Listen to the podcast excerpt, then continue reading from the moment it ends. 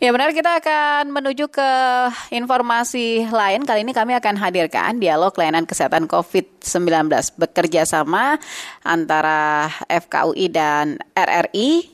Pagi ini kita akan membahas mengenai mengenal varian virus SARS-CoV-2 berdasarkan analisis genomiknya. Seperti apakah informasi ini selengkapnya?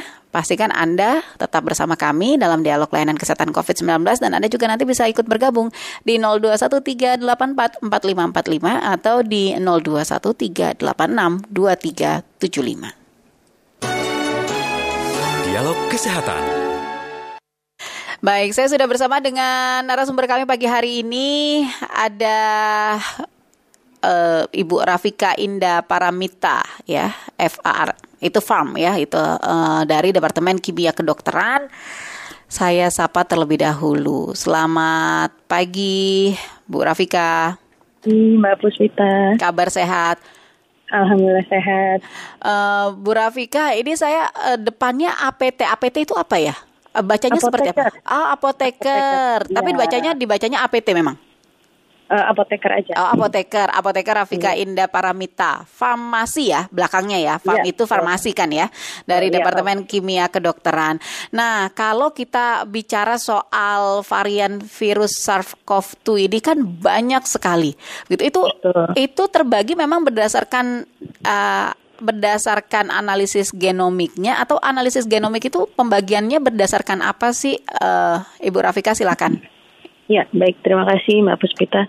Nah, jadi uh, untuk mengetahui varian dari uh, virus SARS-CoV-2 ini kita harus melakukan uh, namanya sequencing. Jadi kita melakukan uh, pengurutan uh, materi genetiknya sehingga uh, dari uh, hasil pengurutan itu kita akan mengetahui apakah ada uh, mutasi dari uh, uh, dari uh, materi genetiknya sehingga dengan uh, diketahui adanya uh, berbagai mutasi yang terjadi atau perubahan dari materi genetik tersebut sehingga di, dapat diklasifikasikan menjadi varian varian-varian yang sudah kita kenal sekarang seperti ada varian alpha, varian delta, varian uh, omikron seperti itu.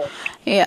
Nah, ini kalau untuk kemudian mengenal perbedaan-perbedaan uh, apa namanya uh, va varian virus-virus ini, ini dari dari mana bentuknya perbedaannya itu terlihatnya dari mana sih, uh, Bu Fika? Ya, jadi uh, Uh, mungkin saya kasih introduction sedikit sedikit nih ya. Mm -hmm. Jadi kalau uh, penyus materi penyusun uh, genetik manusia itu terdiri dari empat basa nukleotida namanya. Kita sebut sebagai ATGC. Nah, uh, uh, dari uh, bahasa-bahasa ini akan disusun menjadi suatu penyusun materi genetik dari suatu organisme.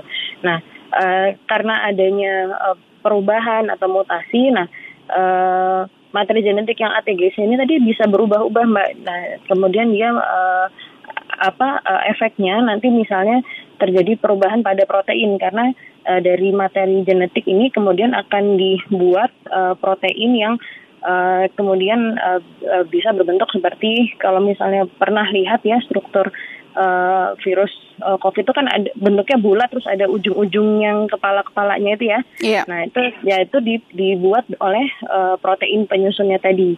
Nah karena ada uh, varia ada ada mutasi yang terjadi Uh, si protein-protein ini akan berubah juga mbak. Nah, uh, karena adanya perubahan pada protein seperti misalnya pada protein spike, Nah, uh, yang fungsinya adalah untuk uh, berikatan dengan protein yang ada di host atau di manusia, sehingga terjadi uh, perubahan misalnya pada uh, proses transmisinya.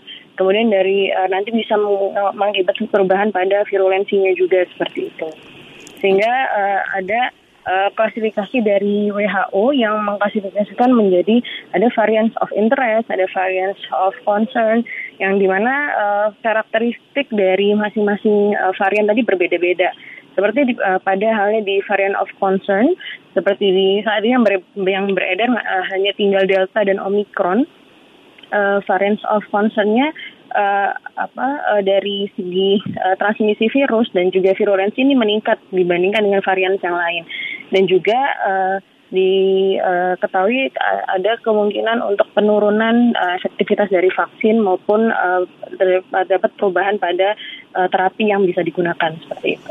Oke, kalau ini untuk mengetahui varian-varian ini berarti harus dengan memang tes-tes di laboratorium ya, tidak bisa maksudnya dilihat hanya secara misalnya kasat mata atau dari ciri-cirinya saja begitu itu nggak bisa kelihatan ya, Mbak Vika ya? Di laboratorium terlebih mm -hmm. dahulu mm -hmm. yang kita sebut sebagai uh, whole genome sequencing tadi. Okay. Jadi uh, pengurutan uh, urutan genomnya. Oke. Okay. Nah, ini kalau misalnya kemudian ada perbedaan-perbedaan itu udah apa namanya? yang setelah misalnya setelah diketahui ini, oh ini perbedaannya ini, ini ada ini. Nah, terus kemudian diputuskan bahwa oh ini berarti variannya antara ini dengan ini, ini dengan ini kan banyak tuh ya sekarang antara misalnya ada kemarin seperti disampaikan uh, sempat ada uh, gabungan katanya varian Delta dengan Omikron. Lalu kemudian hmm. Omikronnya juga begitu Omikron. Ada yang satu Omikron anak Omikron begitu-begitu. Nah itu itu jujur untuk kami yang masyarakat umum yang tidak awam dengan hal-hal seperti itu kan ini jadi jadi bingung. Kenapa sih maksudnya jadi jadi bisa banyak begini begitu, Mbak Mbak Vika? Bagaimana kemudian uh, secara mungkin uh, sederhana bisa menjelaskan itu ke masyarakat? Ya, untuk uh, perubahan uh, uh, virus sendiri itu sebenarnya secara alamiah memang uh, virus ini mutasi uh, genetiknya memang mudah bermutasi terus ya. Ber, berubah mm -hmm. ya bermutasi mm -hmm. atau berubah-ubah. Mm -hmm. Nah, uh, efeknya tadi uh, jadi uh, gen itu Mbak dia akan uh, membuat tadi ya protein seperti yang sudah saya sebutkan sebelumnya.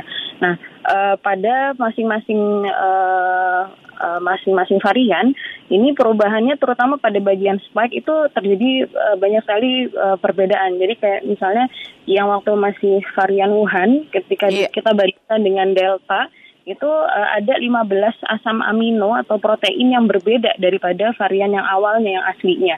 Nah, kemudian pada varian uh, Omicron itu lebih banyak lagi perubahan asam amino yang terjadi.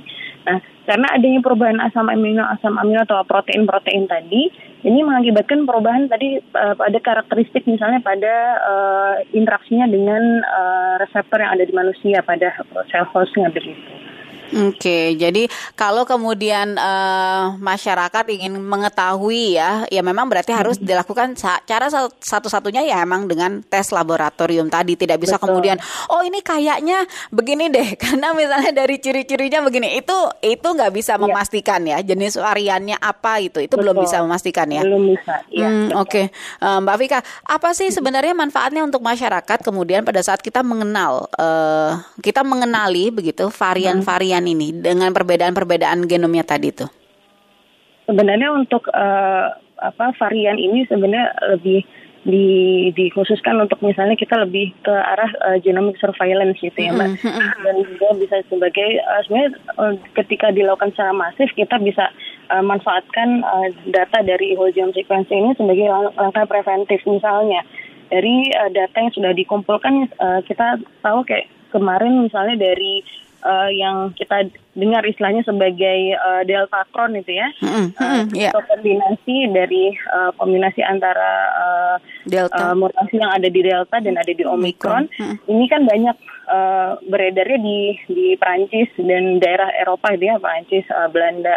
Nah, uh, sebenarnya ini adalah langkah bisa jadikan langkah preventif. Jadi kita bisa uh, waspada nih kalau misalnya di di titik-titik kedatangan misalnya di uh, bandara atau apa kita uh, lebih lebih selektif misalnya untuk yang datang dari uh, Prancis misalnya. Karena uh, apa kita sudah dapat um, mendapatkan, sudah mendapatkan informasi bahwa uh, untuk varian-varian Delta Cron itu banyaknya asalnya dari uh, daerah uh, Prancis seperti itu. Okay. Untuk saat ini huh? untuk yang uh, sebenarnya varian yang Delta Cron ini ini masih termasuk uh, ke dalam varian under monitoring, jadi belum dari WHO sendiri ini belum memberikan label uh, label uh, nomenklaturnya sebenarnya karena masih uh, menjadi uh, varian under monitoring. Uh, dan uh, setelah saya uh, lihat juga di database DIS8 sebenarnya untuk uh, varian Delta Cron sendiri terakhir yang dilaporkan ini de, dari Prancis itu uh, tanggal 15 Maret. Jadi harapannya mungkin sekarang uh, si virus yang varian Delta Cron ini harusnya sudah tidak uh, beredar lagi begitu. Karena dari laporan terakhir itu sudah 15 Maret, jadi sudah cukup lama gitu ya dari dari yang jarak sekarang. Oke, berarti kalau untuk yang varian terbaru juga tuh yang uh, menurut Pak Wiku belum masuk ke Indonesia itu uh, apa namanya mutasi dari virus apa? Omikron Omikron yang mana begitu dan perbedaan jenisnya seperti apa sih uh, perbedaannya begitu, Mbak Vika? Kalau mungkin sudah ada infonya. Terakhir yang saya tahu hmm. uh, sebenarnya untuk yang lineage yang BA1, BA11 hmm. dan BA2 hmm. sebenarnya sudah ada di Indonesia, jadi sudah uh, sudah masuk. Hmm. Tapi mungkin yang dimaksud yang Delta Cron mungkin yang uh, kombinasi tadi yang rekombinasi antara Delta dan Omikron. Tapi untuk saat ini uh, di uh, dari uh, data global yang sudah uh, masuk di database GIS8 in, uh, terakhir uh, tanggal 15 Maret tadi Mbak. Jadi belum ada data baru. Jadi kita harap uh, memang sudah tidak beredar lagi dan hmm. tidak akan masuk ke Indonesia. Kalau yang untuk gitu. Omicron XE, Omicron XE ini tadi kalau tidak salah yang saya maksud tuh. Pak. Uh, ya, sebenarnya XE, XD dan oh. XF itu sebenarnya masih um, sama di yeah. golongan under monitoring. Oh, okay. Dan ini untuk di Indonesia memang masih belum, belum. ada. Iya. Uh, dan uh, laporan terakhir juga um, apa belum belum banyak uh, ditemukan. Kita harap tidak ya. tidak banyak jangan lagi sampai ya. ditemukan lagi deh kalau tidak. Iya baik, Mbak Vika jangan ditutup dulu. Kita tahan dulu sebentar. Saya nanti masih akan lanjutkan lagi dan untuk anda pendengar yang ingin bergabung bersama kami, silakan saya ajak anda untuk bergabung dalam dialog kesehatan kita pagi hari ini. Anda bisa hubungi 0213844545 atau di 0213862375. Jadi sekali lagi line telepon yang bisa anda hubungi 021386 2375 atau di 0213866712 0213862375 0213866712 Sebelum saya angkat telepon dari Anda, kita jeda dulu sebentar. Kita dengarkan informasi berikut ini. Kilas Berita.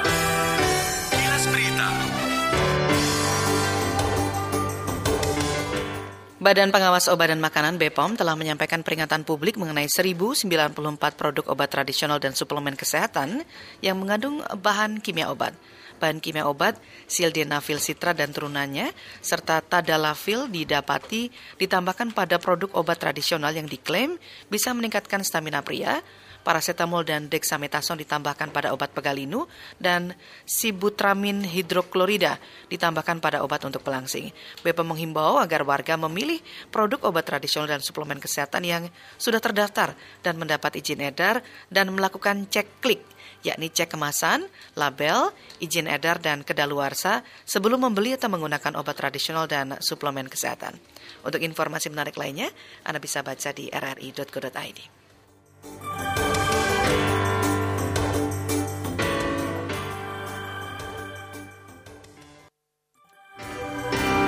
Kilas Berita.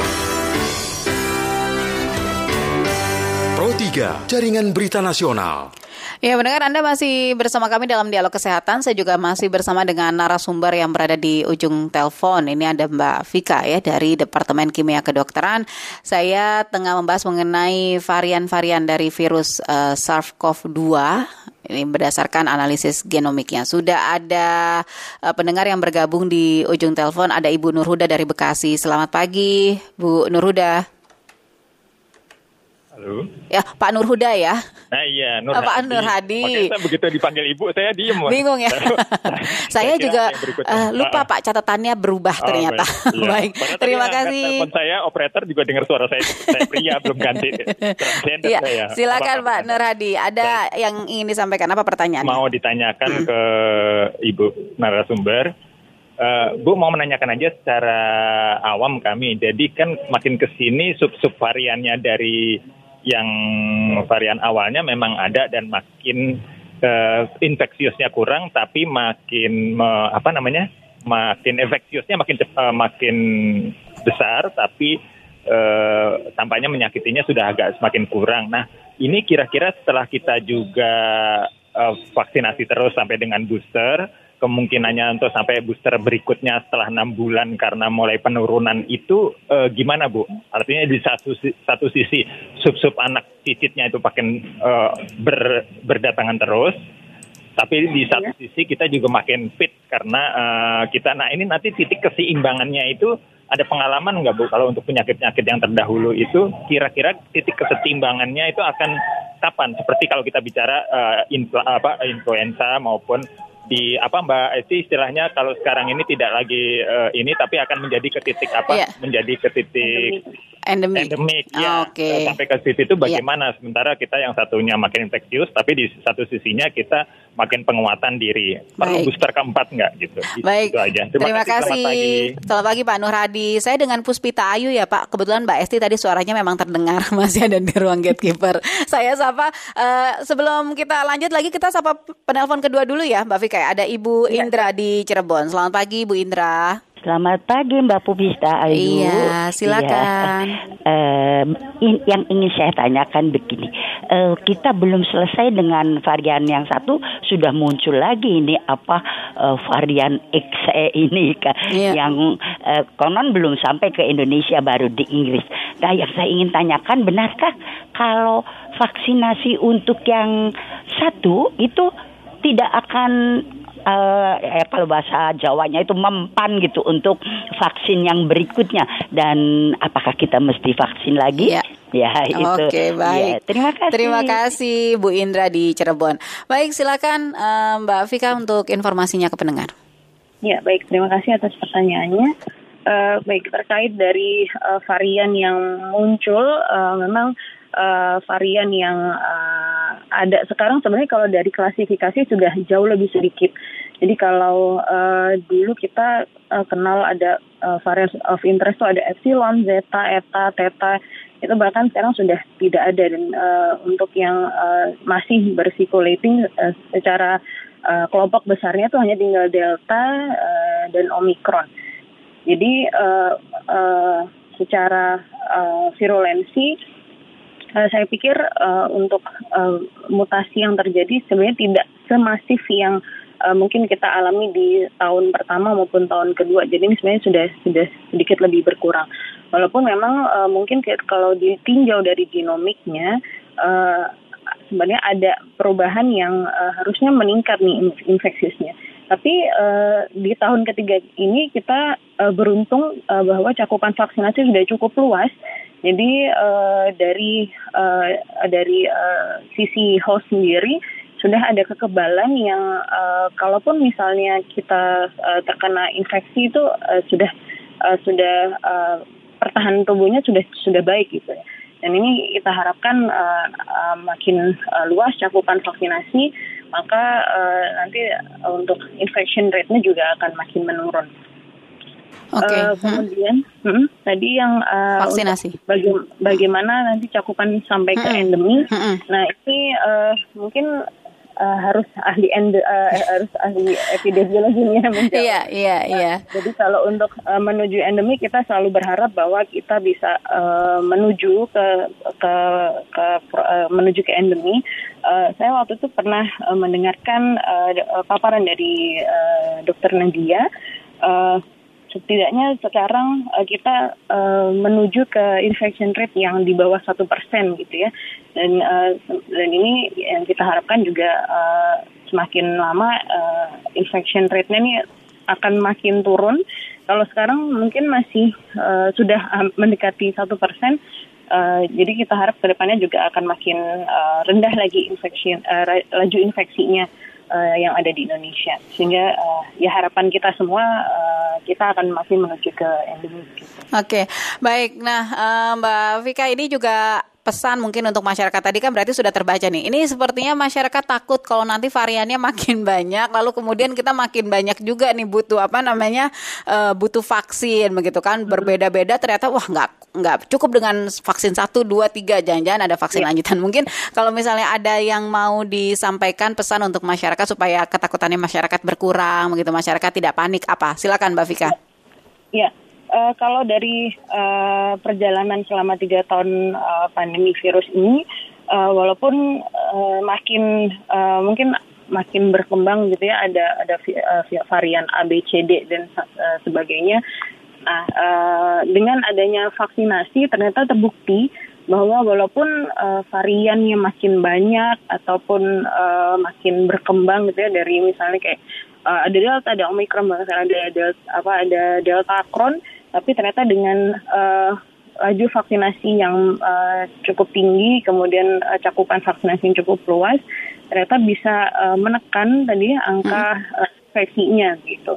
Jadi uh, saya himbau kepada seluruh pendengar uh, RRI saat ini yeah. terus lakukan vaksinasi.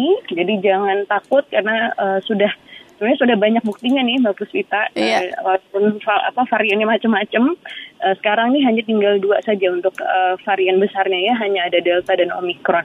Jadi uh, dengan uh, bukti ini uh, uh, walaupun tadi yang awalnya dari uh, banyak sekali variannya yang ada di SARS-CoV-2 dengan uh, vaksinasi kita makin uh, makin uh, siap pertahanan yeah. tubuhnya dan uh, kita bisa menghadapi nih di varian-varian yang ada. Oke, okay. baik Mbak Vika terima kasih sudah bergabung bersama dengan Pro 3 RRI pagi hari ini. Yang jelas ya. kalau kita bicara soal perbedaan varian-varian itu jangan diputuskan sendiri begitu ya. kita harus tes laboratorium supaya bisa uh, tahu betul varian virus SARS-CoV-2-nya ini berdasarkan analisis genomiknya masuk ke varian apa begitu ya Mbak Vika ya tidak perlu panik. Ya. Tidak Yang perlu panik. Oke, baik. Terima kasih Mbak Vika. Selamat kembali beraktivitas. Salam sehat selalu. Selamat pagi. Selamat pagi Mbak Vika. Terima kasih. Demikian mendengar dialog layanan kesehatan COVID-19 kerjasama antara FKUI dan RRI. Pagi ini kami berbincang bersama dengan apoteker Rafika Indah Paramita, farmasi dari Departemen Kimia Kedokteran FKUI.